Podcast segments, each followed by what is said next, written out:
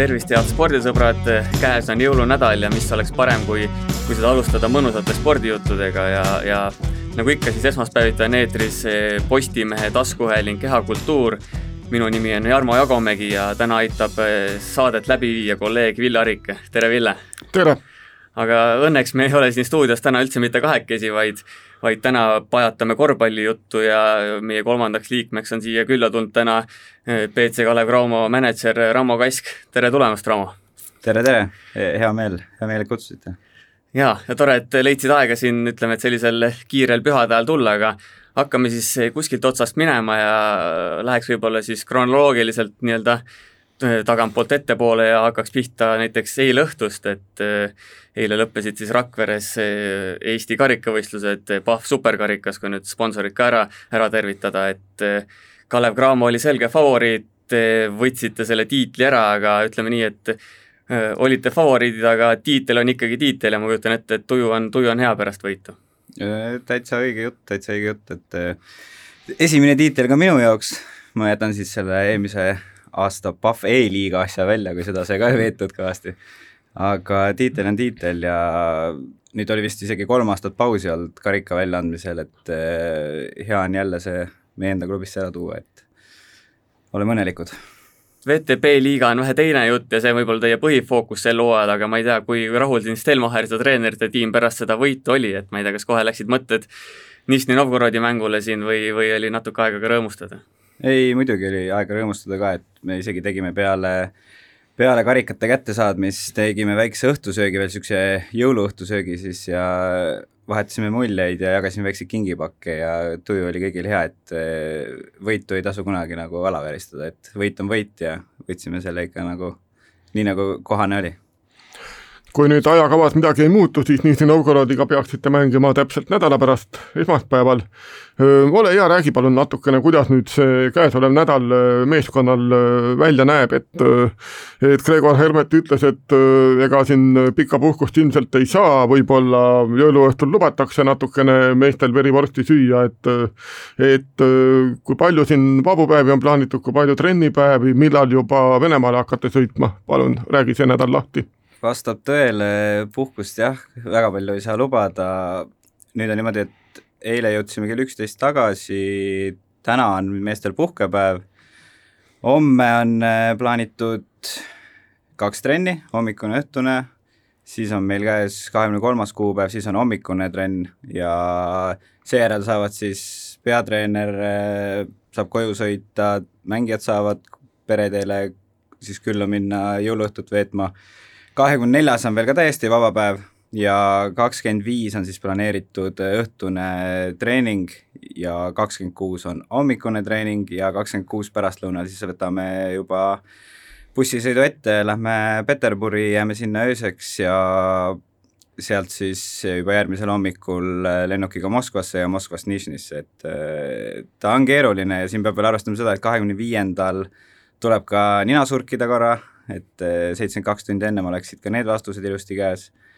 et eks ta jätab oma jälje muidugi, et eh, hea on, et siin äh, saigi planeeritud nii, et on üks hommikune trenn, siis üks vaba päev ja järgmisel päeval siis õhtune trenn, et kokku tuleb nagu tundide mõttes tuleb niisugune väike taastumisperiood ka. aga samas äh, mäng on tulemas, ei saa ka täiesti rihma lõdvaks lasta, et äh, oleme niimoodi plaani praegu paika, paika pannud niiviisi Novgorod VTB liigas siis äh, võõrsil mäng järgmine, et äh, kuidas üldse äh, klubis nüüd VTB senisele hooajale vaatate, et siiamaani üks võit on tulnud Minskit Smoki üle siin Tallinnas. kas noh, ütleme nii, et seda küsimust ilmselt ei ole mõtet küsida, et et kas see üks võit rahulolu pakub, ilmselt tahtsite rohkemat juba saada kätte no peame arvestama siin seda keerulist algust, et äh, Lokomotiiviga mäng, mis meil lihtsalt tabelisse null kakskümmend pandi, et äh, lihtsalt asjad äh, langesid halvasti kokku, et pigem ei olnud mõtet sellel hetkel seda riski võt-, võtta, et me sõidame sinna, teeme vahepeal peale mängu testimise ja oleks sealt keegi välja tulnud positiivsega, siis oleks olnud välismängijaid keeruline nagu tagasi tuua, et siis kästakse, Eesti ei võta vastu ka ju, kui sa oled välismängija kaks nädalat oleks pidanud Venemaal olema siis karantiinis, et eh, pigem sealt tulid need otsused ja no ütleme nii, et äh, rasked vastased on ka ikkagist olnud, kui sa vaatad, kellega me mänginud oleme, et äh, praegu vaatasime Nišni mängu, kes mängis Jenisseiga, vahel oli neli punkti, et kuigi Nišni on seal tabelis praegu kõrgel, siis me näeme, et kõik võimalused on olemas ja me läheme ikkagist nagu võitlema. Räägi natuke seda tehnilist poolt ka juba lahti, et mida selleks nüüd teha tuleb, et Nišnisse kohale jõuda, et ma ei tea, kus need testid on, millal need testid on, millised on mingid piirikontrollid, mis seal lennujaamades ees ootab ja nii edasi, et see vist on ka päris, päris selline müstiline maailm sel aastal. no ütleme nii, et esimesed sõidud olid tõesti väga keerulised, nüüd on nagu saanud mingisuguse rutiini paika, et eh, seitsekümmend kaks tundi ennem teeme siis kas enne õhtustrenni või peale õhtustrenni testid, eh, testid lähevad laboratooriumisse, järgmiseks päevaks saame vastused siis meile saadetakse sertifikaadiga terve tabel, eh, kui on kõigil negatiivsed vastused, saadame selle tabeli edasi VTB-sse ja sama tabeli, mitte siis testide tabeli, aga nimede ja passiandmetega saadame ka Kultuuriministeeriumisse, kes edastab selle omakorda Politsei- ja Piirivalveametisse, et nad oleksid piiril teadlikud, et me oleme tulemas, sama tabel läheb ka Venemaa, Venemaa VTB liigasse, nemad saadavad oma ministeeriumitesse, kes omakorda edastavad need tabelid enda piiri peale et eh, läheks see asi natuke ladusamalt. Eh, esimesed korrad oli eh, raskusi seal Vene, me olime vist esimene buss peale kuut ja seitset kuud, kes ei tulnud bussi pealt välja, vaid me sõitsime bussis istudes üle piiri ja kõik vaatasid imelikult nagu otsa, et kuhu, kuhu te nüüd tulete, et miks te bussist välja ei astu, et ja ka piiri peal Vene poolt siis võeti laua alt kuskilt arvuti välja, puhuti tolmu pealt ära, et hakkame neid passe kontrollima, et ja lõpuks saadeti ka arvuti ja printer tööle läinud, et saadeti meid välja sinna, kus tavaliselt autod nagu läbi sõidavad, et et oma, omamoodi seiklus, nüüd on saanud nagu ree peal, et mingi plaan on, süsteem nagu paigas, testid, igale poole tabelid varem ette ära ja on toiminud, et ei ole nagu nii keeruliseks on nüüd läinud viimasel hetkel ma siin mitu korda olen mõelnud, et äh, kui sa oleks ette teadnud, mis siin sel hooajal kõik tulema hakkab, oleksid sa üldse mm, Kaare Sibulalt selle koha vastu võtnud pärast eelmist hooaega? no ütleme nii, et äh, Kaarel on meil tegelikult klubi juures veel alles nagu nõunikuna ka, et äh, just VTB osas, et tal need kontaktid vene keel ka ladusamalt suus, et kui mingeid probleeme tekib, siis ma pöördun ka Kaarli poole, et kas sa saaks mind kohe aidata nende teemadega, et muidugi olen tänulik selle eest Ehm, lihtsalt selle küsimuse juurde tagasi, sest ma olen juunikuust eh, saadik nüüd siis seda asja siin vedanud, ei näinud nii ette jah, et, et see nii keeruliseks läheb, ei kujutanud ette. ja räägiti küll varasemalt sellest, et tuleb ka teine laine ja peab arvestama igasuguste regulatsioonidega, aga mis teha, eh, teeb aina tugevamaks ja kogemusi tuleb aina juurde, et, et kui peaks järgmine aasta edasi minema, siis eh, saab nagu kõvasti lõdvemalt mõtta, võtta, et ei ole nii palju piiranguid arvatavasti, et kogemuse mõttes on äh, hea proovilepanek aga kui te seal Venemaal juba kohal olete, ma ei tea, kas seal on, kuidas seal see nii-öelda saalides ja see korraldus on, et meil seal Venemaal mingi hetk oli, et iga, iga, iga mängu järel oli keegi positiivne või kuskil satsis, et kas mingit hirmu või sellist oli ka, et kuskilt viirus üles korjaks või ikkagi oli suht steriilne see asi seal kohapeal, on olnud? Need reeglid saadeti tegelikult, need on isegi mitu korda muudetud, VTB poolt enda poolt saatsid nad kuskil kolmekümne lehe, leheküljelised äh, ka niimoodi soovitused siis ja mida ka võiks kohustuslikud soovitused, ütleme nii, oli seal venekeelselt ümber tõlgituna, et eh, samaga, mis meil endal siin kodumängide ees VTB omasi, ka seal on need eh, hästi nagu käsile võetud, eh, kõik, kes on, nimetame seda siis clean zone'iks, see on roheline ala, sinna pääsevad ainult testitud inimesed, kes on seitsekümmend kaks tundi enne testitud olnud, ehk siis kui meil on näiteks kodumäng või seal Venemaal on mäng, siis peavad olema kõik lapipoisid testitud, ko-, lauakohtunikud, kohtunikud, pallipoisid, keegi, kes on, äh, valvab seal, et kui korviga midagi juhtub, areenimeister siis nii-öelda, äh, leedimeistrid, et meil on niisugune nimekiri, on äh, nelikümmend kuus inimest on, keda meie siis oma klubi poolt peame testima ja need, need tabelid tuleb sama, samuti omakorda siis komissarile saata ja ka VTB liigasse, et ja kontroll just saali minnes on erinevad sissepääsud on igal pool olnud, mõõdetakse temperatuuri, antakse akrediteerimise kaart sulle kaela ja ainult kindlates tsoonides võid siis liikuda ka, et sa ei või sinna kuskile tribüünide vahele liikuma minna, et ma praegu olen tähele pannud, et Venemaal ikkagist mingitel mängudel on nagu, seal oleneb vist regioonist, et on ka publikut veel saalis, et mingid mängud mingi periood siin ei lastud kedagi saali. Ütleme nii, et regulatsioon, need reeglid on päris paigas, et et niisama kuskile keegi suvalisest uksest sinu riietusruumi juurde tul-, ei saa tulla ja ka näiteks meil Eestis ju ajakirjanikke ei saa, ei saa kohe peale mängu mingeid intervjuusid anda, et, nagu on minimaliseeritud see võimalik risk, et kust võiks tulla, et kõik, kes seal on, on testitud ja ütleme nii, et siiamaani on nagu hästi läinud, et ei ole just nende mängude järel tulnud äh, tea-, tead-, teateid, et keegi väljaspoolt oleks sisse toonud mingi viiruse, et ja Venemaa tiimid on äh, suuremas järgus kõik juba vist läbi põdenud, et äh, sealt nagu ei ole oodata ka seda võtame selle tehnilise poole sellega veel kokku, et mis siis saab, kui te tagasi tulete Venemaalt, et kuidas siis see testimine on ja hotellides peate olema mingi aja ja kuidas, kuidas see protsess käib? ja vastab tõele, et äh, kui minek on ühe päeva võrra pikem, siis ka tagasitulek, et naasta kohe trennide juurde päris võimalik ei ole, et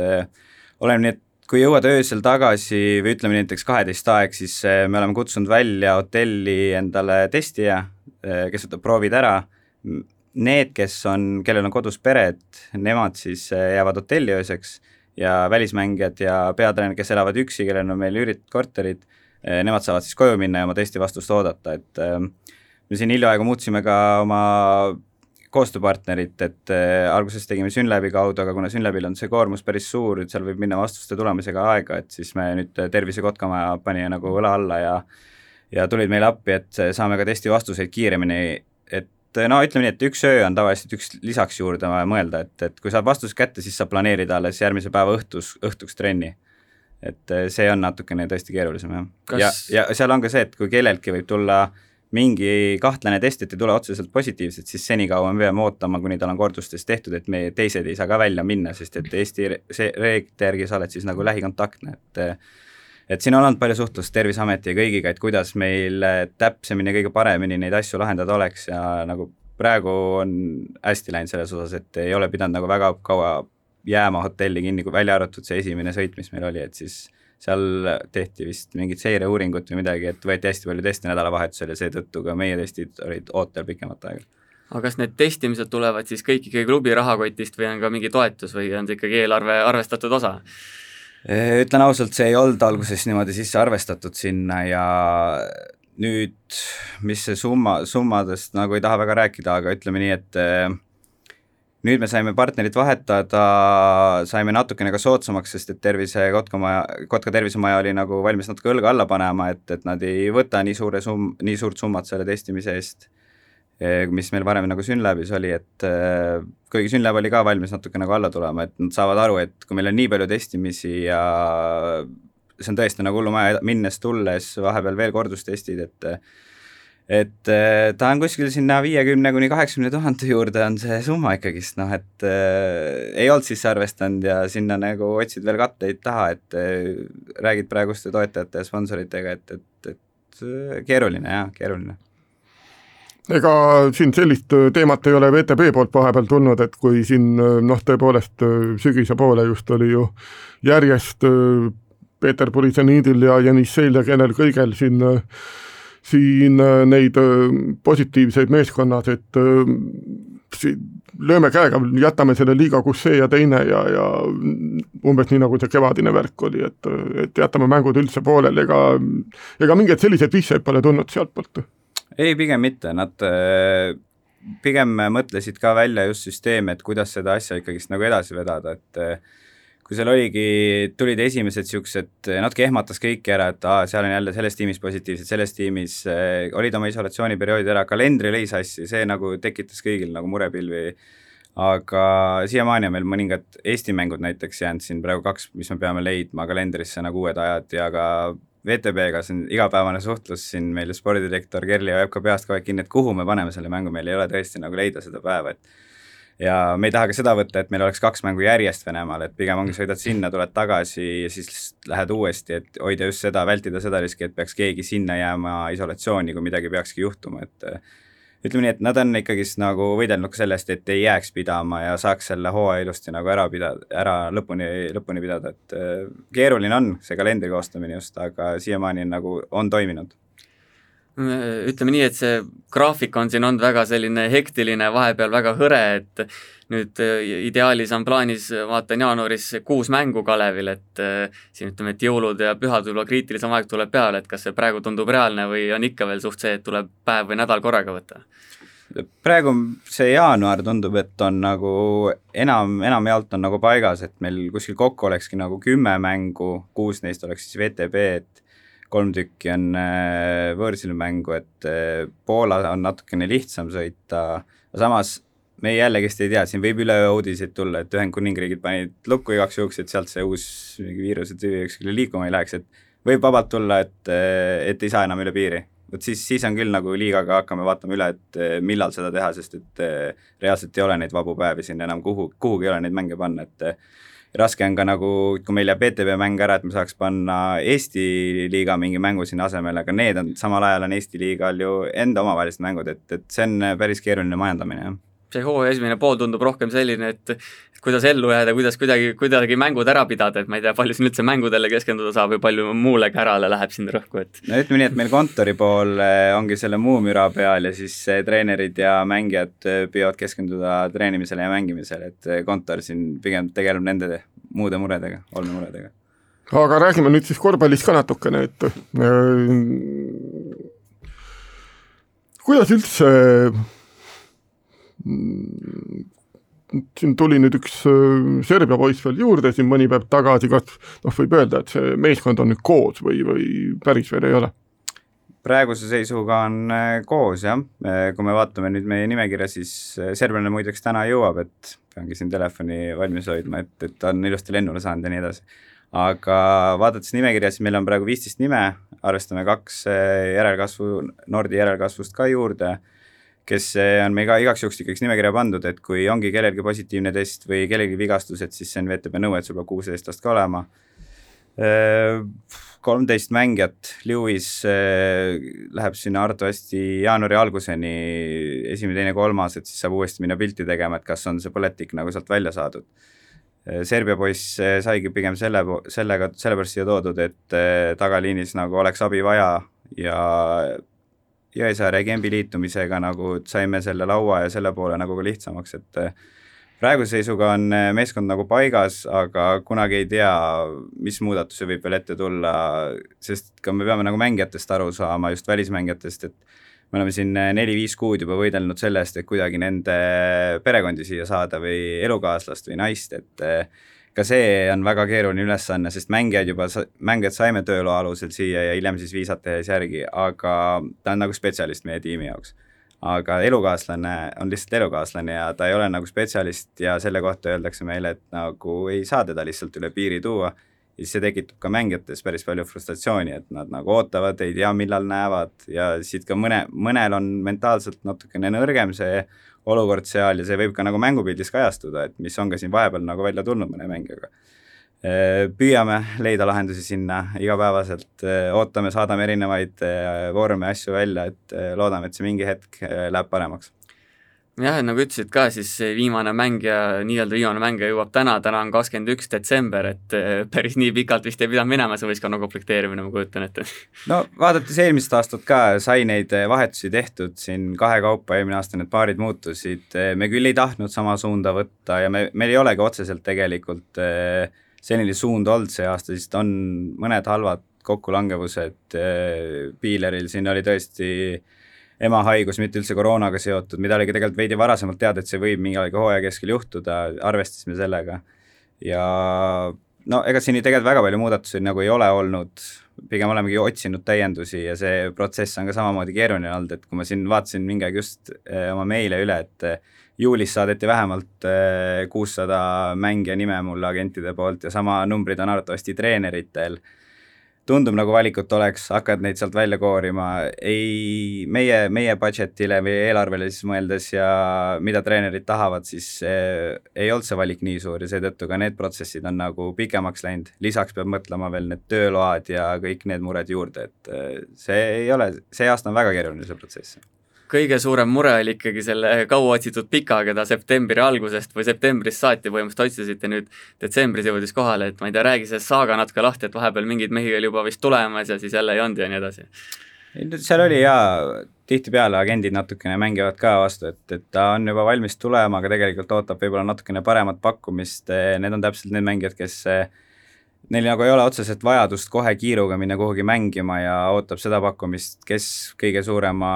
rahapataka sulle vastu pead lööb, et äh, oli keeruline,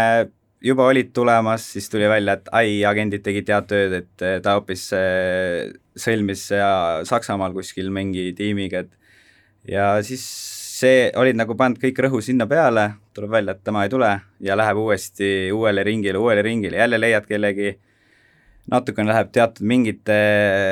mingite protsessidega aega, see mängija kadunud, hakkad järgmist otsima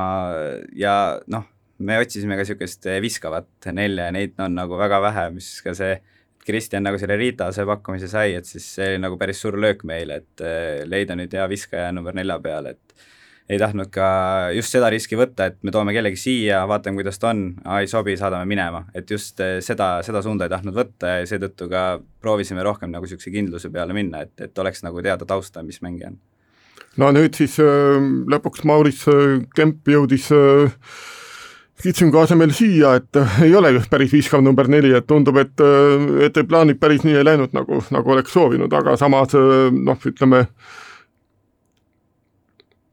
mees on Raplas mänginud ja selles plaanis midagi oli teada vähemalt temast. ja ta oli tuttav mees, et sai siin uuritud eh, just isiksusena ja kõik, kõike seda ka juurde, et eh, ta on niisugune rohkem meeskonnamängija, et eh, ka seda just oli vaja, et selle viskega saab veel siin natukene vaeva näha, aga pigem meil oli see lauavõitlus ja kõik see asi ka juurde, et ja ta on nagu valmis võitlema, et ja ta ei olnud ka pikalt tegelikult nagu mänginud siin vahepeal, et ka see võtab natukene veel aega, et vaatame, elab sisse ja loodame, et läheb aina paremaks siin Alar Varrak ütles ühes teises podcast'is, et tema silma läbi isegi võib-olla mõne mängija turuhind oli natuke ootamatult tõusnud, et kui võiks arvata, et koroonaviiruse valguses see langeb, et ma ei tea, kuidas, kuidas see, kuidas see suhe sinu silme läbi oli või kogu treenerite tiimi silme läbi mm,? Ütleme nii, et äh, me arvasime küll, et äh, hinnad peaksid nagu langema veidi, arvestades, mis ka NBA-s jutud siin olid äh, veel suvel ja niimoodi. Ta jääb kuskile samasse auku, mis ta on olnud veidi võib-olla on, võib-olla veidi on madalamad, aga samas siin on ka need üksikud, kui sa tahadki seda head mängijat, eh, miks ta ei ole veel kuhugi läinud, tekib kohe küsimus, siis ta ootabki seda maksimumpakkumist ja mingi klubi ikka ta üles korjab, et, et kui sa teed talle madalama pakkumise, siis nad lihtsalt seda riski ei võta, sest neil ei ole seda nagu vajadust, et eh, saan praegu hakkama ja lähen siis, kui lähen, noh, mingi aeg läheb kriitiliseks, et kui sul jääb täiesti aasta vahele, siis tekib veel rohkem küsimusi mängijate kohta, et meil nagu, me läksime samamoodi nagu seda teed pidi, et, et olla kindlad ja ei hakka, ei hakka nagu üle panema, sest me peamegi reaalselt arvestama seda, et eh, ka märtsist vastu võetud spordiseadus, eh, mis jätab meie eelarvesse niisugune üks kolmandik on maksud, et eh, mida varasemalt pole nii suure, suurel hulgal olnud ja seega mõjutab siis meile, meie maksustavaid rahasid mängijatele. ja mängijad on nüüd nagu sellest lõpuks aru ka saanud, et mis teeb treenerite osas jällegist elu raskemaks, et sa pead vaatama madalama eelarvega mängijaid. mis see nüüd äh, tähendabki teil siis äh, palju teil eelarve muutus võrreldes eelmise hooajaga või, või on samaks jäänud ja noh, ütleme, et, et palju te nüüd reaalselt nii-öelda palka saate siis mängijatele, treeneritele võrreldes varasemaga maksta? Me maksame täispalka, et eh, saame ära kasutada sporditoetuse, mis on tuhat ükssada kuuskümmend kaheksa eurot, kui maksimumini võtta, või siis mõnele mängijale saab stipendiumi maksta, kui sa palka kõrvale ei maksa, aga üldjoontes on eelarve ikkagist eh, kuskil kakskümmend, kakskümmend viis protsenti madalam võrreldes näiteks eelmise aastaga. Ja lisaks me ei ole veel siia eelarvesse praegu nagu sisse pannud eh, seda testide ja tagasi tulles hotellide ööbimist ja ka tähendab seda, et kui sa sõidad Venemaale, siis sul on reisi, reisu, reisupäevasi on siis nagu üks-kaks päeva rohkem, mis tähendab söögid, hotellid ja testimised. et eh, vaadates seda, et eelarve on kakskümmend prossa väiksem, eh, need, see summa tuleb veel juurde leida, mis on testid ja ööbimised ja lisaks peab mõtlema ka veel ähm, sellele, et äh, see, see ööbimise osa, see on üks, see on üks punkt ja no ega, ega seal ei olegi midagi keerutada, see teine asi on see piletimüük on ka niisugune asi, mis äh, jätab ikka päris suure, päris suure augu, et kui sa mõtled iga kord siin sellel hetkel umbes on meil olnud CSKA-ga mänge, meil on Saku Suurhall välja müüdud, siis see on nagu väga suureks abiks äh, ka klubi, e-, klubile eelarveliselt, et äh, need kõik asjad kokku, siis ma arvan, et see protsent eelarveliselt on veel isegi suurem kui kakskümmend, kakskümmend viis madalam. Et ta on keeruline, jah. nii et äh, tuleb hakata kiiret, kiiresti tulemust tegema, et äh, lisa, lisajõudu kuskilt leida jaa, ei seda kindlasti, aga ka ettevõtetel on ju samamoodi keeruline, et keegi ei taha sulle lihtsalt tulla lihtsalt tulla niimoodi, et no nii, võtke, eriti veel, kui äh, publikut ei saa ka saali, et me küll püüame sotsiaalmeedia ja kõigega nagu rohkem kõiki pildis hoida, ülekannetel rohkem rõhku panna erinevates, erinevate videode ja asjadega, aga aga kui publikut saali ka ei saa, siis see teebki aina keerulisemaks asja, jah tulen veel korra selle mängijate turu juurde tagasi, et eh, see vist käib endiselt, eh, peab paika, et ikkagi nii-öelda tagamehi on lihtsam leida kui, kui pikki mängijate turult, jah? Äh, pigem, pigem jääb, pigem on nii jah, eriti oleneb, mida loomulikult eh, mingi treener tahab, et meil on nagu peamiselt saadetakse kõigile, kõigile mängijaid ja siis lõplik sõna on nagu treenerite, treeneritel, et keda nemad näevad oma tiimis, mis positsioonil mida tegemas ja äh, ja siis, siis asub eh, kontor tööle, et, et seda meest siis siia saada ja parimate tingimustega. räägi natuke seda tausta võib-olla, kuidas Graamos ehk Eesti mõistes ikkagi tippklubis see mängijate värbamine käib, ütlesid, et sul oli kuussada meili treeneritel, kuussada meili, aga kes kui palju mängijaid vaatab, kes seal, kuidas see nii-öelda protsess käib, kes kellega läbi räägib enne otsustamist ja nii edasi? no eks meil on ikka, mitte päris kuussada meili, vaid seal oli kuussada nime, et mm -hmm. siis äh, ma arvan, kokku tuleb nimesid päris palju just erinevad agentuurid saadavad sulle seal kümme, kakskümmend nime, mingi agentuur saadab oma kolm tükki, kes vabad on ja nii edasi. aga eks see protsess ole, treeneritel on omad kindlad tuttavad agendid, kellega nemad kontakti võtavad, ütlevad, mul oleks vaja väga head sellist positsiooni, sellist positsiooni, siis saadetakse erinevatele agent, agentuuride veel laiali oma tutvuste ringist ja siis hakkab mingeid nimesid sisse tulema ja siis hakkad sealt välja sõeluma, kes jäävad nagu äh, üks, kaks, kolm, neli, võtad siit need jäämad ja siis hakkad võrdlema seal, vaatad, kes omavahel toimida võiksid. ja kui hakkavad niisugused äh, kindlamad nimed juba välja tulema, siis äh, hakkame agentidega suhtlema, et äh, kas nad oleksid huvitatud siia tulema, mis see rahaline miinimum oleks nende jaoks ja nii edasi ta läheb, et äh, tihtipeale, kui ei ole kõrval mingeid pakkumisi ja nad näevad eh, tegelikult eh, välismängijatega just on see, et nad näevad nagu VTB-d niisuguse ja meie klubi siis nagu hüppe, hüppelavana, et eh, teed siin hea hooaja, siis sul on järgmisel aastal võimalik saada mõnesse teise heasse klubisse, kes siis meid mängib Euroliigat või ükskõik mida, et eks ta niimoodi käib sammhaaval, jah no näiteks Sharon Lewis tegi siin Kalev Cramos nüüd mõni aasta tagasi just selle hüppelaua hooaja, siis sai rahakamatesse klubidesse, nüüd on siin tagasi, et et äh, ei ole tal kõik kõige paremini läinud ja, ja pole ka sel hooajal, et äh, mis tal nüüd ongi lahti täpsemalt? ei noh, see, eks see oleneb äh, natuke mängijast ka ja ta käis siin, oli Jenissei, oli Nišnis, siis oli Jenisseis no., sai mõningad mängud tehtud, samamoodi lõi vigastusi välja ja eks ta sealt on kuidagi nagu ringemale jäänud, et, et see, et sa ei saa piisavalt mängida, sul tekib mingi vigastus, siis see usaldus veidi ka klubidel kaob nagu, et, et et kui tal see kordub niimoodi. et meile ta alguses tuli,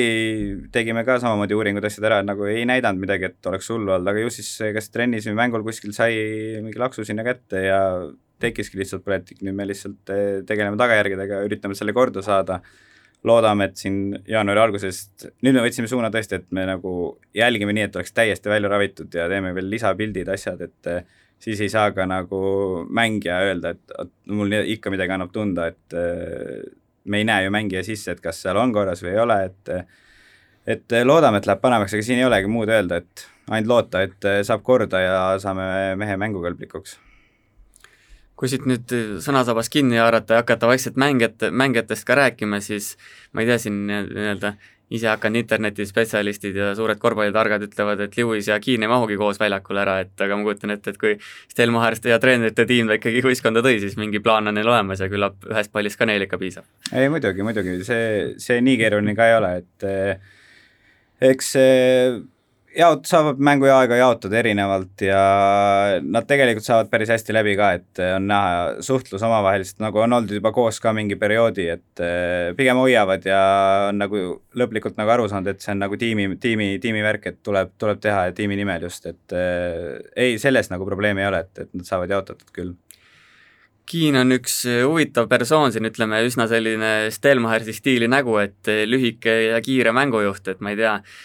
temaga on siin olnud nii paremaid kui halvemaid hetki, et ma ei tea, räägi alustuseks, et missugune inimene ta on, et tal on vist ka siin põhim-, põhimõtteliselt esimene aasta Euroopas ja natuke läheb vist kohanemiseks aega? jah, see on, see on üks asi ja nagu ma varem ütlesin ka, et see perekonna just siia toomine, et võib-olla natukene üksildust tunneb või ei ole nagu niisugust usaldust kõrval kogu aeg, et äh, see on see, mis tekitab neid pingeid veidi juurde, et ja ta on niisugune hästi emotsionaalne mängumees ka, et kui tal endal ei tule välja ja kuskilt midagi keegi nagu veidi, veidi nähvab, et niisugune nagu ei taha nagu kriitikat nii hästi vastu võtta, et äh, aga me oleme tegelenud sellega siin rääkinud, ta saab ise ka aru, et ta tunnistab, et jaa, et vahepeal nagu lihtsalt läheb, aga siin ongi need pinged on kuhjunud, kõik need kõik need asjad kokku, et eh, tegelikult noh, nagu nüüd mängudest oli näha, siis eh, assiste tuli väga kõvasti, et ei tahtnud nagu viskeid võttagi enam, et eh, eks ta üritab väga leida seda enda õiget, enda, enda õiget mängu et siin see nii-öelda üks, üks kuulus fänn, kes ütles, et sa isetsed ja võib-olla see mingites mängudes nii-öelda peegeldub ka, et palju võtab enda peale, aga aga igal medalil on ilmselt kaks poolt, et osati see on ilmselt nii-öelda sellest, sellest tingitud, kes tal kõrval on ja milline on treeneri joonis, et, et päris nii ei saa ilmselt öelda, et see mees on nüüd päris siin oma statistika peal väljas või, või kuidas? ei, seda kindlasti mitte jaa, et kui on natukene, saa öelda lihtsamad mängud, aga näed, et tuleb veidi lihtsamalt mäng välja, siis siis ei olegi vaja seda, kes nagu lõplikult otsustavad, viske peab hakkama võtma, aga näiteks siin Smoki mängus eh, ju näitas ära, et kui oli vaja võtta neid otsustavaid viskeid, siis ta võttis ja ta pani ära ka, et eh, tegelikult nagu täiesti oleneb mängus ka ja kes on vastane. no sageli on niimoodi, et lühemad mehed on natukene tulisemad ja pikemad võib-olla sellised rahulikumad, et kas siin on nüüd sama teema, et Devin Toomas, tsenter äh, on selline rahulikum tüüp või, või ka ikkagi äh, tuline? ei, Devin on, äh, ta on hästi sõbralik, äh, hästi sõbralik tüüp, et ta on, ta on ka niisugune, et ta on tiimi eest nagu kõik välja andmas, et et nii, nii, mis tal võtta on, selle ta paneb kõik tiimi eest välja, et ta pigem, pigem ta ei ole niisugune, kes jõhkralt plahvataks nagu, aga samas võib-olla pole niisugust hetke veel olnud, et loodame, et ei tule ka, aga, aga pigem ta on niisugune hästi sõbralik ja valmis nagu abistama teisi, et äh, väga hea nagu platsi nägemisega mängija just, et äh, väga häid sööte saadab ka siit kõrvaltvaatajate jaoks võib-olla tundus, et see Toomase algus võib olla selline kahtlane, et sai kohe siin vigastada selline segastel asjaoludel ja ma ei tea, kas teil oli ka alguses mingi hirm temaga, et äkki on niisugune kergelt lohe, aga nüüd on ikkagi näidanud, et päris kõva tegija. no eks see hirm on alati veidi, et äh, ei saa salata. aga saime asja korda ja aina paremasse vormi on saanud ja on tõestanud ennast, et, et on mängumees ikkagist, jah. Oli tal siis mingisugune vigastus seal, oli see rohkem peas kinni või? ei no seal, seal oli põlvega midagi, midagi tal oli, et oli ka, ütles, et varasemalt eelmisest klubist andis siis tunda, andis tunda, tegime veidi teisi harjutusi, ei pannud niisugust nagu pinget sinna sellele piirkonnale ja tundub, et on sellest nagu üle saanud, et sellega probleemi enam ei ole kuidas see võistkonna eesliin nüüd äh, klubisiseselt tundub, et äh, Toomad, Nurger, Hermet, Kemp tuli nüüd juurde, et noh, kas treenerite brigaad on rahul sellega? no kunagi ei olda lõplikult rahul, on ju, et me lihtsalt teeme sellega, mis meil on nagu kätte antud, mis võimalused klubil ka on olnud rahaliselt ja kõik nii edasi, aga samas mida mäng edasi, seda tundub, et on võimalik, kõik on võimalik selle, selle eesliini ja kõige ära teha, et et äh, Rauno on siin saanud natukene niisugust enesekindlust ja kõike juurde just peale neid koondismänge, Smoki vastu tegi väga hea esituse, et et, et aina edasi, ma arvan, et mida rohkem mänge, seda paremaks läheb, et me ootame samamoodi, jah. Ja noh, üks mees veel, kes siin alles hiljuti liitus, äh, vana tuttav tegelikult, Janar Jõesaar, et äh, kuidas nüüd temaga oli, kust nüüd see esimene initsiatiiv tuli, et, et kas Kalevi poolt või, või mängija enda poolt liitumiseks? no ütleme nii, et kui nad tulid koondise, olid hotellis seal mullis nii-öelda kinni, et siis natuke lasin äh, abitreeneri Indrekul rääkida, uurida, et mis tal üldse endal nagu tunded ja mõtted on, et äh, jälgisime ka ju samamoodi, jälgime, mis meil eestlased väljaspool teevad, et äh, oli näha, et ei saa piisavalt mängu ja mingi asi seal nagu ei klapi, et pakkusime lihtsalt välja, et kui tõesti on plaan nagu muuta midagi, et siis me oleme nagu valmis sind kohe vastu võtma, et meil on nagu abi vaja sinna positsioonile ka lisaks veel, et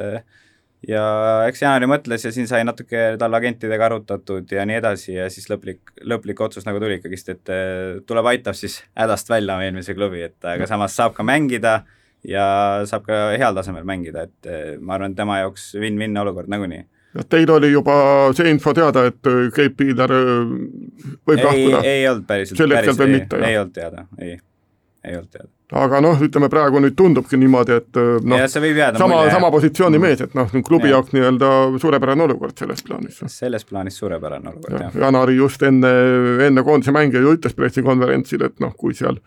Hispaanias samamoodi edasi läheb, siis ei ole mõtet jääda sinna. me võtsime ka sellest äh, kinni kohe, et äh, kui ta selle välja ütles, siis läksime natukene agressiivsemalt peale ka. Ma nüüd küsin natuke provotseerivalt, aga, aga sa siin ütlesid ka, et tagaliini oli täiendust vaja, serblane toodi, et kas ütleme, et Jaanis Kaufmannist selline natuke tundmatu suurus äh, ei ole päris oodatud tasemel olnud või, või tema oligi võib-olla selline lihtsalt Stelmachersi kindel ettur, et tuleb ja teeb mi-, mingid omad asjad ära? no ütleme nii, et äh, me võtame teda kui eestlast praegu, sest, sest Eesti-Läti liigas on äh, lätlased, eestlased on ühel, ühel tasemel nii-öelda, et et äh, eks ikka ta oligi võetud pigem nagu shooter'ina, et siin mingitel mängudel on äh, omad visked ära pannud, mingitel mängudel nii väga ei ole ja selles vajalik mees, mõttes kui Eesti-Läti liigal mõelda isegi VTB-s, et äh, on saanud kasutatud, kasutatud küll piisavalt ja eks tal on oma roll ja eks äh, peatreeneril on siis oma suhe selle mängijaga, et, et teab, millal teda täpselt kasutada, et äh, mina nagu sinna nii ei ole sekkunud, et äh, vaatame kõrvalt ja on, on paremaid mängupäevi ja on halvemaid mängupäevi. Maris Kemp nimi käis ka korra läbi, et tema vist ei olegi nüüd see hooaeg mänginud, et millal ta, millal ta viimati mängis ja mis, mis tal see konditsioon võib-olla oli, et pealtnäha tundub täitsa, täitsa viisakas füüsilises vormis olevat. Nii palju ta ütles jah, et ta on nagu ennast vormis hoidnud, samamoodi ootas mingeid pakkumisi pikemat aega, päris seda ei, ei, ei, nagu ei tahtnud kuhugi minna kohe niimoodi ära ja Eesti oli siis niisugune nagu tuttav koht ka talle ja mõtles, et äh, kui pakkumine tuleb, lisaks VTB veel, mis on nagu samm edasi Raplaga võrreldes, et äh, pigem ta tuli nagu hea meelega ja ta on nagu tänulik olnud siiamaani, mis me rääkinud oleme ja mängu, mängulises mõttes ka, iga mänguga näitab mingeid uusi külgi, et eh, treenerid ka alles nagu õpivad tegelikult tundma, et kuidas paremini ära kasutada, et eh, selles mõttes on okei okay praegu kui siin hooaja alguses ja mingil hetkel tundus, et eh, Kalevil läheb, läheb väga raskeks ja võib-olla on raske isegi VTB-s võitu saada, siis nüüd viimased, ütleme, kuu või nädalad on ikkagi seda võistkonda päris tummiseks ajanud, ütlesid ka viisteist meest siin noored juurde panna, kaksteist meest, kes on võimelised ikkagi põhimõtteliselt mängima VTB-s ka, et eh, ootused on, ma usun, teise poolaasta ees, ees päris suured, et võib, võib nii mõndagi ära teha, et eh, siin ütleme, et tähtsamad mängud on VTB-s alles ees ja no täpselt, üld, üldiselt vaadates teisi VTB mänge ka, neid üllatusi on päris palju see aasta tulnud, et eh, eks kõigil on olnud siin eh, kas komplekteeritusega või siis keegi on positiivse koroona kuskil eemal olnud, et eh, need tulemused on olnud niisugused nagu üllatavad väga paljude jaoks, et kui siin Parma üllatas ja Nišni on siin üllatusi pakkunud, Imki on natukene alla nagu oma taseme mänginud, mida oleks oodanud, samamoodi ka Euroliigas on nad olnud praegu seal tagapool. et kõike võib juhtuda jah, et äh, samamoodi me ei ole nagu püssi põõsasse visanud, visanud, et äh, meil on ikkagist play-off on äh, eesmärk, noh. kui palju sa ise konkreetselt nüüd jälgid neid VTB noh, kas näiteks ka Euroliiga mänge, on üldse aega vaadata, noh, kui palju, kui palju seda korvpallihuvi sul isiklikult sees on varem olnud? No varem võib-olla ei olnud nii tihedalt, nüüd kui oled asjas ise sees, siis nagu ikkagist jälgid igat tulemust vähemalt ja kui on ka niisugused huvitavad vastasseisud, siis ikkagist vaatad ülekandeid ka ja nagu õpid seal mängijaid tundma, treenereid, kuidas keegi käitub, mis tehakse täpsemalt, et selles mõttes on huvitav jälgimine. Pigem jaa, Euroliiga ja niisugune VT, ma olen pigem VTB-d vaatan rohkem isegi kui Euroliigat, et olla nagu kursis, mis seisus ja kellele me vastu lähme ja mida sealt oodata on, et ei, selles mõttes on, kui ise oled asjas sees, siis on kõik väga huvitav. VTB on teil ilmselt põhifookus, aga, aga Eesti liigat mängite ka ja päris palju see aasta, aga kaks kaotust on juba tulnud, et räägi, et kas see on ka mingi probleem võistkonna jaoks või need ikkagi unustatakse ära? ei, pigem need, need unustatakse ikka ära jah, et seda, seda on ka varem ette tulnud, et, et ikka, ikka vastane mängib hästi, ise oma ära ei tee, see on sama nagu meil VTB-s vahetevahel, et sa lähed kõvema tiimi vastu, endal õnnestub, vastastel nii hästi ei õnnestu ja sul ongi võimalik võita, et eh, sama on ka meil Eesti-Läti liigas, võib juhtuda nii. et eh, müts maha, siin Pärnu ja Rapla hästi, hästi, keskendunult tulid meile vastu ja meie ise seal teatud kas poolelt tulles või midagi natukene ei ole võib-olla fookus kõige rohkem paigas olnud või ei ole keskendumine nii hea olnud, siis kui annad mängu ära, siis ta nii läheb ja siis enam ei kuku ka ja teistel kukub ja ongi kaotus käes, mis teha no ütleme nii, et noh,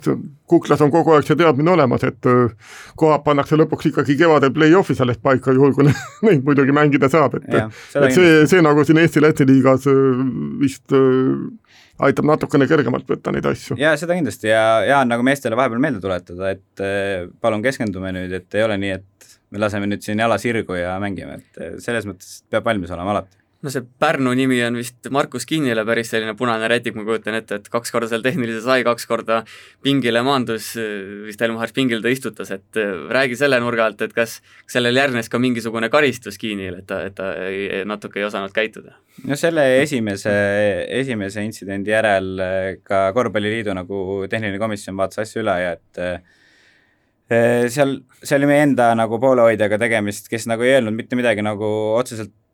äh, ropendades või midagi väga halvustavat, lihtsalt see oli nagu suhteliselt isiklik, et äh, selle peale siis me olime kaotusseisus ka, endal ei olnud mängijal mäng välja tulnud, siis ta karjus midagi sinna tribüünile vastu, tribüünilt näidati talle midagi, ta näitas sinna vastu ja tegelikult nagu meie jaoks oli asi lahendatud, peale mängu kohe me rääkisime poolehoidjaga, mängijaga kõik said omavahel vabandatud, isegi poolehoidja ise ütles, et ta sai aru, et ta nagu natukene liiga valel ajal karjus niisuguse asja välja, et, et, et ta teab, et järgmisel, järgmine kord sellisel pingelisel hetkel ta pigem nagu hoiab suu kinni, et, et, et et ei tasu niisuguseid asju välja visata. aga ei, tuli, klubile tuli väike trahv ja et mis on täiesti nagu õige ka, et me klubina ka nagu ei tolereeri, tolereeri niisugust asja, et lihtsalt meil oli kahju, et nagu ekslikult pandi algus välja, et me nagu Pärnu fännidel oleks midagi näidanud, tegelikult see oli nagu klubi enda sisene asi, et ja teisel, teine olukord oli, see ei olnud nagu Pärnuga seotud, see oli mhm. pigem mm. kohtunikuga ja treeneriga omavahel seal mingi väike arusaamatus oli ja siis sealt ta nii läks, et no kuidas see talle nagu mängija, mängijale mõjub, mängis seal üheksa minutit teises mängus Pärnu vastu, et kas see oli hea koolitus või oli natuke solvumist ka ikkagi? otseselt solvumist ei olnud, eks ta peale mängu hetkel ta mõtles küll kindlasti, et, et ma võiks ju veel mängida, kõik on hästi, aga peale mängu rääkides temaga, siis ta nagu mõistis ka, et ta peab nagu veidi tegelema selle mentaalse poolega veel, et äh, keskendumine oleks rohkem paigas ja et ei laseks nagu tühistest asjadest äh, ennast mõjutada, et, et ja nüüd viimased mängud on seda näidanud ka ja ma olen talle mõnikord enne mängu nagu meelde ka tuletanud, et teeme nüüd mängu, et ärme, ärme mõtle mingit tühistele asjadele, et et ta on nagu aru saanud ja ta on alati ise ka vabandanud, öelnud, et oi, lihtsalt see frustratsioon ja niisugune olukord siin maailmas ja kõik asjad need kokku, et eks see jutt tuleb pikk sinna taha, et no sinu jutust jääb mulje, et ikkagi selline mõistlik mees, kes ikkagi saab aru, et tuleb ka võistkonnale mängida, kui tahta kuhugi edasi, edasi purjetada siit. no täpselt nii on, täpselt. kas äh, mängijate suhtumist äh, Eesti-Läti ja VTB mängudes äh, on tunnetada ka mingit erinevust või mitte mm,? eks ta, eks ta natukene ikka on äh, VTB mängul on niisugune õhkkond nagu kohe natuke teine, et see on nagu, lähed suurele mängule nagu vastu või et äh, natukene see keskendumine on võib-olla veel rohkem fookuses, et eh, kuigi me noh, Eesti-Läti mängul peaks samamoodi olema ja on ka tegelikult keskendunud, aga lihtsalt see VTB natukene ikkagist eh, on see feeling ja aura nagu on teine, et eh, kuidagi võideldakse sajaga, saja kümnega ja nii edasi, et, et eks seal nad, väiksed vahed ikka on, jah no ütleme nii, et noh, kui nüüd eile siin karikafinaalis tuli selline neljakümnepunktiline vahe sisse, et noh, ega ega siis ongi raske lõpuni seda fookust hoida. eks ta nii on, eks ta nii on jah, aga samas hea hetk nagu treeneril kasutada erinevaid mängujoonisid ellu viia ja proovida erinevaid mängijaid erinevatel positsioonidel veel oma asja tegemas, et selles mõttes, mõnes mõttes on hea, aga VTB mängulises mõttes ta nii hea võib-olla ei ole, et, et järgmine kord sa pead kohe valmis olema, et sa lähed hoopis teistsuguse tasemega tiimi vastu, et sa pead kohe nagu agressiivselt lõpuni vastu pidama siis sa oled nüüd kõrvalt näinud, et räägi natuke, kuidas, kuidas iseloomustaksid Robert Stelmacherit, peatreenerit siin kõrvaltvaatajana või lähe, lähe, lähe, lähe, lähedalt, lähedalt vaatajana? no ei, Roberts on karmi käega mees, tal on äh, oma, oma kindlad joonised ja mõtted ja kõik on nagu paigas, et äh, lihtsalt on vaja, et see kõik jõuaks ka mängijateni, nii et äh, ja see võtab lihtsalt aega, et mõned mängijad, meil on väga vähe mängijaid ju, kes on nagu VTV-s tegelikult mänginud üldsegist, et, et ütleme nii, et siin need esimesed kolm-neli kuud ongi nagu läinud har-, harjumiseks ja kõik noh, siin peab mõtlema kõik need reisimised, asjad juurde, on ju. Et äh, treenerite töö ongi see oma, oma mängujoonise plaan nagu mängijatele kohale viia, teda kuulatakse, temal on niisugune lõplik sõna ja ja muidu väljaspool mängu ja trenni aega on väga muhemees, et põhimõtteliselt olete ikkagi oma tegemistega veel alguses, arvestades, et võistkond alles sai või saab kokku, et aega no, eks, tuleb veel natuke anda. eks ta nii on jah, eks ta nii on. Läheks siit viimase sirge juurde, räägiks sinust endast ka, et, et võib-olla siin isegi üldsus teab sind rohkem võib-olla isegi kergejõustikumaailmast enne, enne seda, seda hooaega, et olid mitmevõistleja kümnevõistluses Eesti läbi aegade neljakümne viies, kui ma ei eksi, ja seal seitse tuhat viissada viiskümmend kuus punkti, et räägi natuke oma, oma taustast ka ja kuidas sa Kalev Cramosse jõudsid? Äh, jaa, kergejõustiku lapsest saadik teinud, terve pere on niisugune kergejõustiku või spordipere üldiselt olnud, et äh, kümnevõistlust äh, sai tehtud kõvasti, ma isegi olen vist üle viiekümne korra vist, üle viiekümne kümnevõistluse elu jooksul teinud, et on olemas juuniorite Eesti meistritiitel, siis on kolm hõbedat täiskasvanutest ja üks pronks ja siis teevashüppes on kaks hõbedat. kuidagi seda kuldset nagu kätte ei saanud, et seal teatejooksudest on ka Eesti meistritiitlid olemas, aga täiskasvanute individuaalset kulda nagu ei ole. Ja ka kaks korda superliigat eh, olnud siis tiimis, ühe korra tulime kolmandaks kahe, kahe tuhande viieteistkümnendal aastal Euroopa karikal siis ja kuskil kümme korda Eesti, Eesti, kümme korda Eesti, Soome, Rootsil siis äh, kümnevõistluses esindanud ka Eestit, jah. Äh, ütleme nii, et äh, eluaeg olnud niisugune mitmekülgsusega, et ma nagu kõiki spordialasi suhteliselt hästi nagu omast arust tonkan, et seal korvpalli sai kõvasti mängitud kooli ajal, jalkat sai mängitud, võrku sai mängitud, siin Tallinna meistrid olnud koolidevahelistes ja nii edasi ja nii edasi, et niisugune kergejõustiku see mitmekülgsus on nagu põhja või alusega kõiki teisi spordialasid nagu asjast aru saada või siis mingil, mingil tasemel vähemalt osata, et et äh, jah, see kergejõustiku asi kestis kuskil kakskümmend aastat, isegi rohkem, et ka tihedalt seotud Kergejõustiku Liiduga aidanud üritusi ja võistlusi korraldada ja ja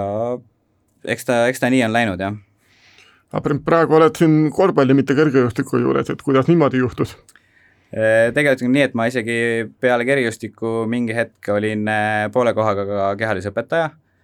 Loo koolis, siis peale seda olin, töötasin ujumisliidus vahepeal aastakese, aitasin, üritasin ka sponsoreid otsida ja mõtlesime, kuidas seda atraktiivsust sinna tõsta. ja siis mingi hetk sealt edasi tutvuste kaudu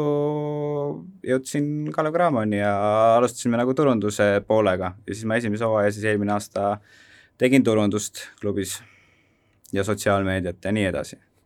selleks peab ikkagi olema mingi konkreetne haridus ka, ma kujutan ette, et päris, päris gümnaasiumi pingist ei ole, ei ole niisugusele tee peale sattunud vist ei, kindlasti mitte jah, siin on ikka terve elu on õpitud, et äh, lõpetasin Pirinda, Pirita Majandusgümnaasiumi gümna-, nagu kaks tuhat kaheksa siis sai mindud Tallinna Ülikooli rekreatsioonikorraldust õppima, see sai lõpetatud ja siis kaks tuhat, vahepeal sai ka kaitseväes käidud, õnneks küll spordiroodus kolm kuud, ja siis äh, Tartu Ülikooli Pärnu kolledžis äh, oli niisugune eriala nagu teenuste disain ja juhtimine ja sain spetsialiseeruda spordijuhtimisele. ja tänu sellele on mul Tartu Ülikooli ärijuhtimise magister.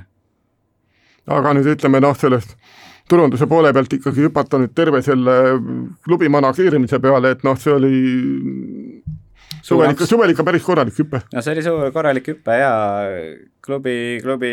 juhid, president kutsusid kokku, rääkisid oma mõtteid ja visiooni, kuulasin ära,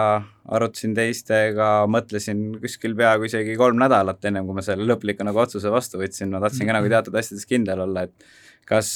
tasub see niisugune nagu amps vastu võtta, et äh, see on nagu ikkagist päris kohustusrikas äh, ko-, nagu niisugune töö, et äh, ütleme nii, et eks ta on raske olnud algus, aga õnneks on hästi palju abilisi ka klubi juures, kes on spordidirektor Kerli on olnud viisteist aastat, temal on nagu teada, on, saab alati toetuda siis Allan, kes teeb nüüd turundust minu asemel ja ka varasemalt tegelikult abimees olnud seal erinevate disainide ja kõige selliste asjadega ja ka Kaarel on praegu alles ja ütleme nii, et tiim, tiim on nagu tugev eh, taga ka, et, et päris üksi seda vankrit nagu vedama ei pea, et eh, et saame, saa-, oleme saanud ilusti hakkama, aga see töö meeldib sulle? Äh, väga, väga niisugune, ma ei tea, väljakutsuv on vist vale sõna, aga niisugune äh, ambitsioonikas või ütleme nii, et äh, hästi palju huvitavaid, äh, huvitavaid keerdkäike tuleb siia sisse, mis nõuab juhilt siis erinevaid kiireid otsuste tegemisi, et see on niisugune, et see lööb vahepeal adrenaliini ülesse, vahepeal saad natuke rahulikumalt võtta, pakub hästi palju emotsioone ja mul nagu emotsioonid meeldivad, et selles mõttes meeldib, jah aga kas sa pead siis enam-vähem kõike tegema a la sokkide pesemisest kuni agentidega suhtlemiseni või päris nii lai see ampluaa ei ole? ei, päris nii lai ei ole, et äh, sokkide pesemiseks on erinevad teenusepakkujad meil olemas ja meil on ka klubi juures eraldi varustuse mänedžer, kes äh,, kes on ka igas trennis kohal ja on nagu alati olemas, on abiks olemas. ja meil on nagu ülesanded jaotatud, et meil on seal kontoris äh, neli, neli-viis inimest ja tööd on jaotatud, et ei ole probleemi. unetunde jagub piisavalt või vahel läheb puudu? no kui siin oli see aktiivsem äh, mängijate otsimine ja agentidega suhtlemine, siis kui sa sinna Ameerika agentidega suhtled, siis see on nagu teine ajavöönd, et äh, siis siis oli küll nende unetundidega võib-olla veidi raskusi jah, et äh, aga praegu natukene on saanud nagu hinge tõmmata ja loodame, et et see hooaeg niimoodi vähemalt saab jätkuda, nagu praegu on, et lihtsalt mingil hetkel, kui viirust meil natuke vähem on ja neid äh, positiivseid vastuseid tuleb, ehk siis testide puhul, et saaks ka rahvassaali tagasi, et see on see, mille jaoks me seda üldse teeme, et äh, mängijad on ka tegelikult nagu ikkagist äh, esinejad ja nad tahavad kellelegi seda mängida, et ainult ülekandes sa ei saa seda emotsiooni nagu tagasi. kui siit välja jõuad, siis pole vaja vist suurt midagi karta enam no loodame jah, ja väärt kogemus nagunii, jah. ja lõpetuseks, ma ei tea, kas see, küsin ära nüüd ka selle, et kas see linna, linnamüüt peab paika, et eh, kui tahtsid Karl-Juhan Lipsule helistada, helistasid kogemata Valdo Lipsule, kui, kui mängijat värbasid või see on niisugune müüt rohkem? ei, see, see number tuli Rainbow või kellelgi oli vist eh, valesti salvestatud mingi number ja siis äh, seal sai nalja küll jah, et ta võttis vastu ja ütlesin no et mis seisud on, et kas meile mängima ei tahaks tulla, siis et mul puus natuke on natuke valus, et ma praegu, ma las ma mõtlen natukene veel ja siis tegelikult saime jutule, et äh, hästi okei okay, tüüp. natuke nalja sai jah. Äh, ja küsiks veel selle ka ära, et äh, kaks tuhat üheksateist mängis meeskond VTB play-off'is, selle poolikul eelmisel hooajal samamoodi oli play-off'i kursil, kui palju te praegu nüüd sellest räägite, et kuule ikka tahaks nüüd ka play-off'i välja purjetada ja kui reaalseks peate seda? Tegelikult ei ole nagu niimoodi öeldud, kas reaalseks või mitte, aga see eesmärk on nagu kohe hooaja alguses välja öeldud ja ka niimoodi on enam-vähem üritatud komplekteerida tiimi. kuna praegu meil on vähemalt mänge kui eelmisel aastal samaks ajaks, siis on nagu raske öelda, kus me täpselt teel oleme aga eesmärk on sama, et eh, play-off on, muidu me seda ju nii hullult ei pressiks, et pigem, pigem on see on paigas, et eesmärk on ikkagist play-off, jah. Jah, ja jääme lootma siis, et Kalev Cramo play-off'i jõuab, soovime sulle jõudu, jaksu ja head und, Ramo ja tänan, tänan, tänan. aitäh ka kuulajatele ja järgmine nädal oleme jälle eetris, aga siis veidi teistsuguses formaadis ja jõulu erisaatega, aitäh ja nägemist! aitäh!